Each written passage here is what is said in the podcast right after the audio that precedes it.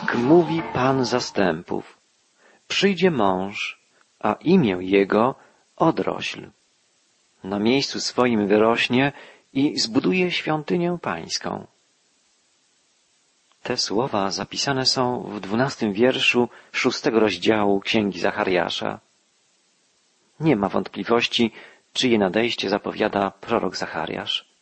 Odrośl to jedno z mesjańskich imion potomka Dawida, który zasiądzie na tronie w Jerozolimie w czasach ostatecznych.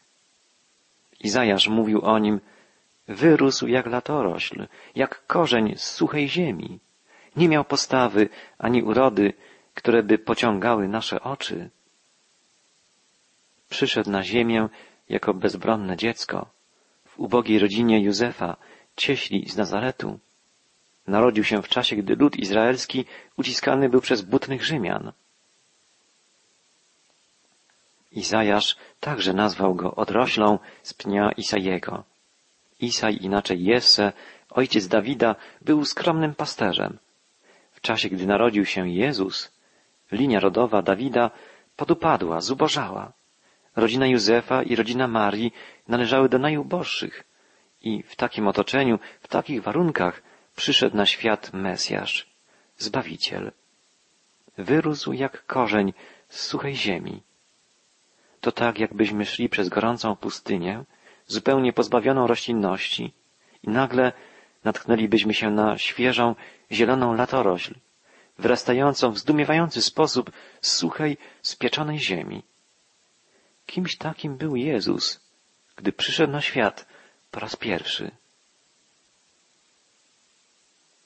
Ale prorok Zachariasz zapowiada, że mąż, któremu na imię odrośl, przyjdzie po raz drugi. Na miejscu swoim wyrośnie i zbuduje świątynię pańską, stwierdza Zachariasz. Kogo prorok ma na myśli? Może Zorobabela, który wtedy, gdy Zachariasz prorokował, był przywódcą ludu judzkiego i kierował odbudową świątyni jerozolimskiej? Nie, prorok wybiega myślą w daleką przyszłość. Woła, on zbuduje świątynię pańską i będzie nosił oznaki majestatu, jako panujący zasiądzie na tronie swoim.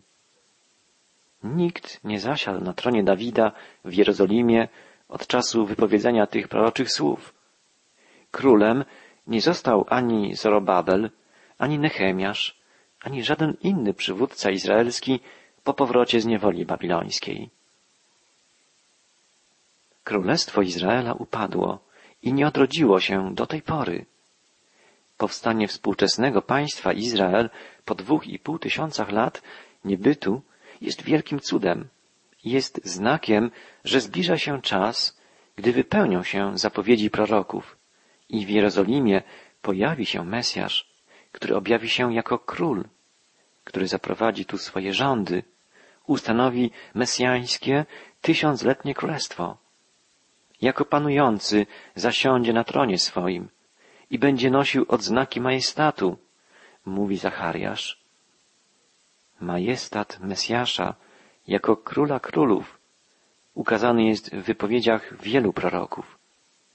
Chyba najwspanialszy obraz wyrysował książę proroków Izajasz, który zapowiadając, że Mesjasz narodzi się jako niepozorna odrośl, różdżka z pnia Jessego, ubogiego pasterza, jednocześnie jednak wołał o nim jako o tym, który będzie obdarzony pełnią mocy, pełnią mądrości i chwały pańskiej. Boży prorok podkreślił, że Mesjasz będzie w najwyższym stopniu obdarzony mocą i darami Ducha Świętego. Zaglądnijmy do proroctw Izajasza. Czytamy tam, wyrośnie różdżka z pnia Jessego, a pęd z jego korzeni wyda owoc i spocznie na nim duch Pana, duch mądrości i rozumu, duch rady i mocy, duch poznania i bojaźni pańskiej. Mesjasz będzie posiadał całą pełnię darów i owoców Ducha Świętego. Ta pełnia ducha wyrażona jest poprzez trzy pary szczególnych cnót. Czytamy o duchu mądrości i rozumu, o duchu rady i męstwa oraz duchu wiedzy i bojaźni Bożej. Duch Pana spocznie na nim. Od tego wszystko się zaczyna. Jezus począł się z mocy Ducha Świętego w łonie dziewicy. W ciągu swego ziemskiego życia stale był wypełniony Duchem Świętym i po swojej śmierci powstał z martwych w mocy tego Ducha. Kiedy Chrystus przyjdzie na ziemię po raz drugi, rządzić będzie światem w mocy Ducha Świętego.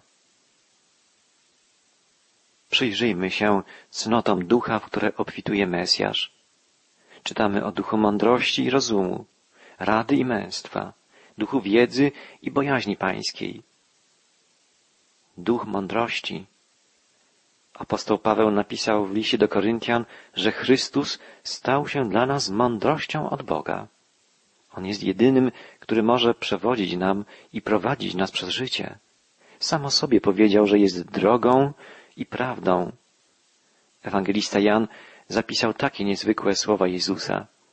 Już wiele nie będę mówił z wami, nadchodzi bowiem władca świata, ale nie ma on nic do mnie. Świat musi poznać, że miłuję Ojca i że tak czynię, jak mi polecił Ojciec.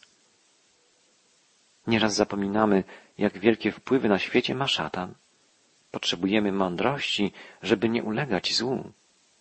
Chrystus jest potężniejszy niż szatan i On może uchronić nas przed błędami. Może i pragnie udzielić nam ducha mądrości. Czytamy też o duchu zrozumienia. Chodzi przede wszystkim o duchowe rozeznanie.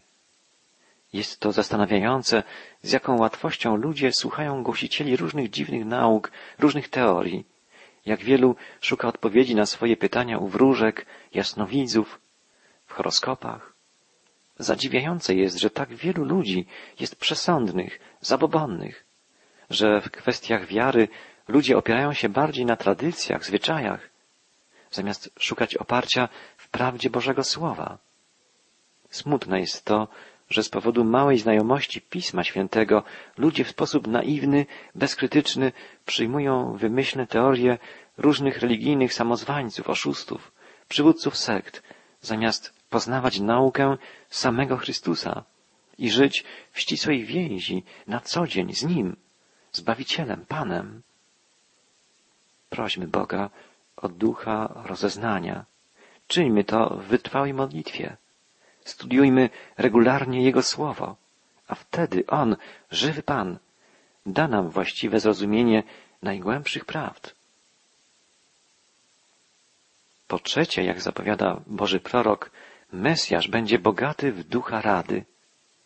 Pamiętamy, że wcześniej prorok nazwał Mesjasza cudownym doradcą. Duch rady.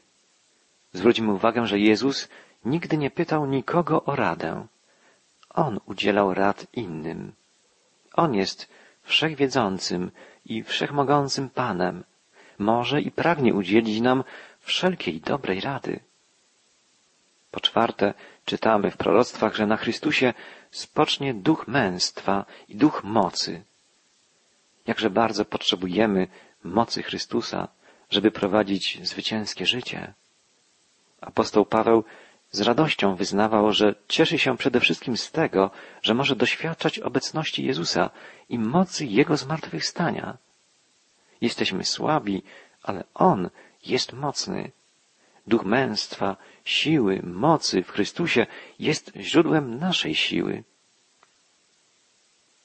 Na koniec prorok mówi o duchu wiedzy i bojaźni pańskiej. Prawdziwa wiedza, prawdziwa bojaźń pańska rodzą się poprzez studiowanie Słowa Bożego i życie według Bożych prawd. Jezus Chrystus żył Słowem Bożym, cytował je, modlił się nim, był ucieleśnionym Słowem Boga. Dlatego też Boży prorok mógł wołać i będzie miał upodobanie w bojaźni Pana.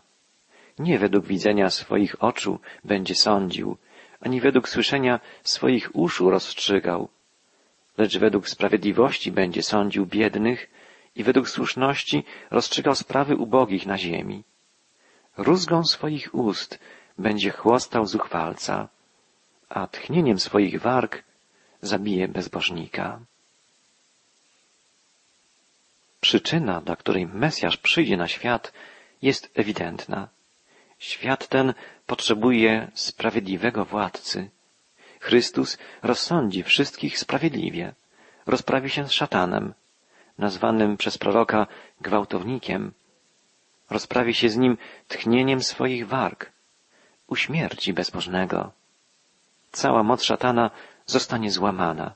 Dokona tego Jezus swoim słowem. Każdy z nas zostanie prześwietlony przez Chrystusa. Zdamy sprawę ze swojego życia. Wyjdą na jaw wszystkie nasze niewłaściwe czyny, słowa, myśli, nawet te najbardziej skryte.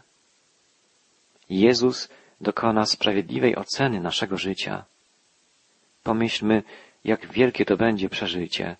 Stanąć przed promieniejącym obliczem Chrystusa i zdawać sprawę ze wszystkiego, co uczyniliśmy, co powiedzieliśmy, pomyśleliśmy, ze świadomością, że przed Jezusem niczego nie można ukryć, niczego zatuszować, że wszystko przed Nim jest jawne. Jeszcze większym przeżyciem, przerażającym, tragicznym będzie sąd nad niewierzącymi. Podzielą oni los szatana, zostaną odrzuceni, odłączeni od Boga.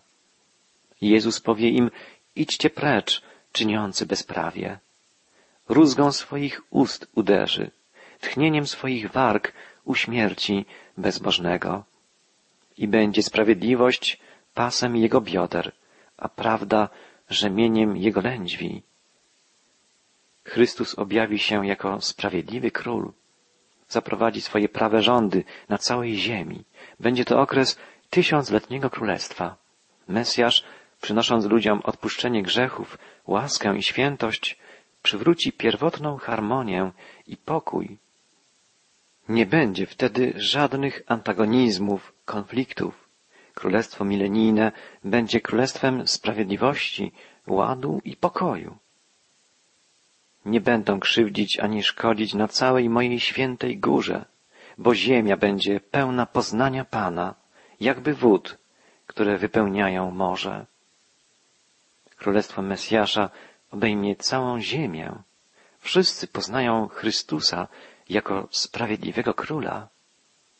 I stanie się w owym dniu, że narody będą szukać korzenia Isajego, który załopocze jako sztandar ludów, a miejsce jego pobytu będzie sławne. Korzeń Isajego to Chrystus, król z linii Dawida, odrośl Dawidowa. Do niego będą przychodzić poradę wszystkie narody. Jerozolima, miasto, w którym żył, umarł i powstał z martwych Jezus Chrystus, jest miastem sławnym. Pielgrzymują do niego już dzisiaj ludzie ze wszystkich stron. Ale w okresie wielkiego ucisku, a potem królestwa milenijnego, słowa proroctwa wypełnią się całkowicie. Do niego ludy przyjdą poradę.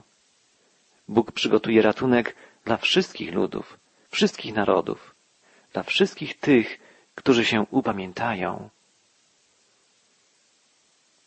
I będzie droga bita dla resztki jego ludu, która pozostanie z tych z Asyrii, taka jaką Izrael miał w dniu, gdy wychodził z ziemi egipskiej, prorokował Izajasz. Droga, która otworzy się dla ludu Bożego, będzie przypominała w jakiś sposób wyjście Izraela z niewoli egipskiej. Jednak droga ta otworzy się dla wszystkich narodów. Ludzie z wszystkich państw, ludów, plemion będą mogli przybyć do miejsca, w którym przebywać będzie Mesjasz Izraela. On zbuduje świątynię pańską i będzie nosił odznaki majestatu, woła prorok Zachariasz. Czy to znaczy, że Chrystus Król odbuduje świątynię w Jerozolimie w czasach mesjańskich? Wiele na to wskazuje. Prorok Ezechiel opisał świątynię, która ukazała mu się w widzeniu i musimy powiedzieć, że takiej świątyni jeszcze w Jerozolimie nie było i nie ma. Jakie funkcje będzie pełnić ta mesjańska, milenijna świątynia? Będzie miejscem, gdzie oddawać będą Bogu chwałę wszystkie narody. To zapowiadali prorocy Starego Testamentu, w tym najwięksi, Izajasz, Jeremiasz, Ezechiel.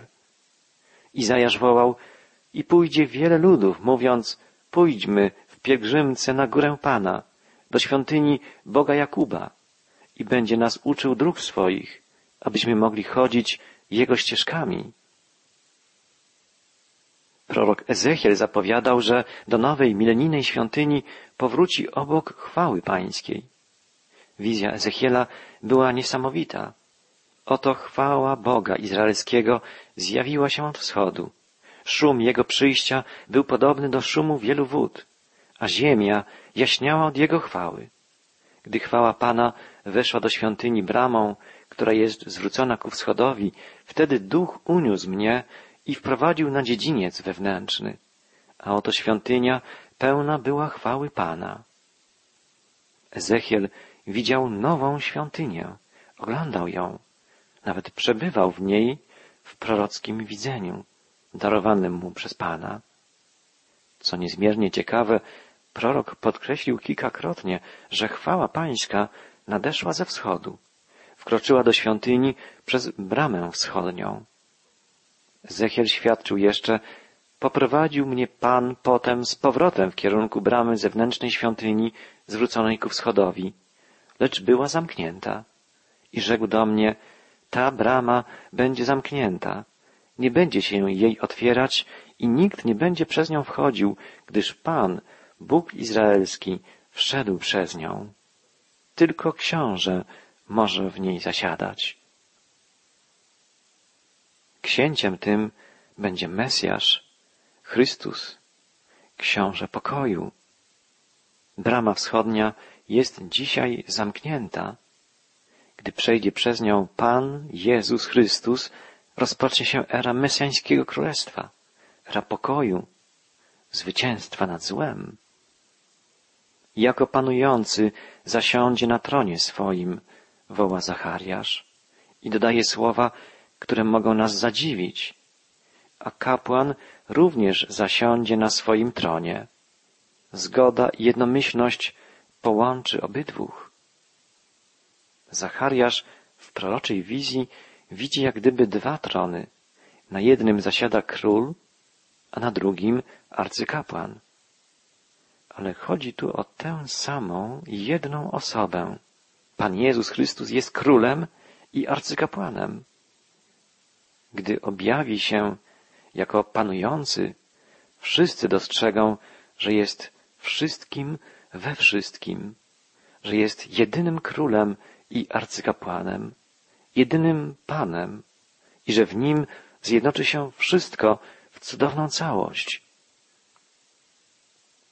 Przywodzi nam to na myśl słowa apostoła narodów, który w liście do Efezjan napisał, że Bóg pragnie objawić nam tajemnicę woli swojej, aby z nastaniem czasów w Chrystusie połączyć w jedną całość wszystko, i to, co jest na niebiosach, i to, co jest na ziemi. To jest cel, zwieńczenie Bożych zbawczych planów. Chrystus w nas i my w Chrystusie, zjednoczeni, zbawieni, szczęśliwi na wieki. Spójrzmy, jak kończy się proroctwo Zachariasza. Czytam ostatni, piętnasty wiersz szóstego rozdziału. Z dalekich stron przybędą ludzie i będą budować świątynię pańską. I przekonacie się, że Pan zastępów posłał mnie do was. A spełni się to, jeżeli pilnie słuchać będziecie głosu Pana, Boga waszego. Wsłuchajmy się w te słowa. Z dalekich stron przybędą ludzie i będą budować świątynię Pana. I przekonacie się, że Pan zastępów posłał mnie do was. A spełni się to, jeżeli pilnie słuchać będziecie głosu Pana, Boga waszego. Prorok Zachariasz wcześniej mówił o srebrze i złocie, jako o darach przyniesionych na odbudowę świątyni po powrocie z niewoli babilońskiej. Teraz zapowiada coś wspanialszego. Odbudowa świątyni za dni Zorobabela Ezdrasza, Nehemiasza, to tylko obraz przyszłej chwały nowej świątyni, którą odbuduje sam Mesjasz w czasach ostatecznych. Przekonacie się, że Pan posłał mnie do was. Czyje to słowa? To słowa samego Chrystusa, Króla i Zbawiciela. Przekonacie się, że Pan zastępów posłał mnie do was. A spełni się to, jeżeli pilnie słuchać będziecie głosu Pana, Boga waszego. Niezwykły i wspaniały będzie to czas. Nawet jeśli przyjmiemy, że odbudowa świątyni to tylko symboliczny obraz, że w Jerozolimie w dniach ostatecznych objawi się po prostu Jezus, jako Mesjasz, jako Król i Zbawiciel, jako ten, który jest wypełnieniem wszystkich zapowiedzi, także tych, które zawierała symbolicznie świątynia i wszystkie znajdujące się w niej przedmioty, takie jak świecznik siedmioramienny, jak stół z chlebami pokładnymi, jak ołtarz kadzidlany, jak Arka Przymierza. Wszystkie te przedmioty i cały wystrój świątyni zapowiadały nadejście Jezusa Chrystusa, który powiedział, iż gdyby zburzyć w trzy dni odbuduje świątynię, myślał o swoim ciele, o sobie samym. Niezależnie od tego, czy w sposób literalny, dosłowny stanie w Jerozolimie świątynia w czasach mesjańskich, której chwałę jedynemu Bogu oddawać będą wszystkie narody, czy też ludzie będą przybywać, by spotkać się u stóp Chrystusa, będzie to czas zwycięstwa, czas triumfu, czas spełnienia, zwieńczenia wszystkich obietnic i nadziei mesjańskich.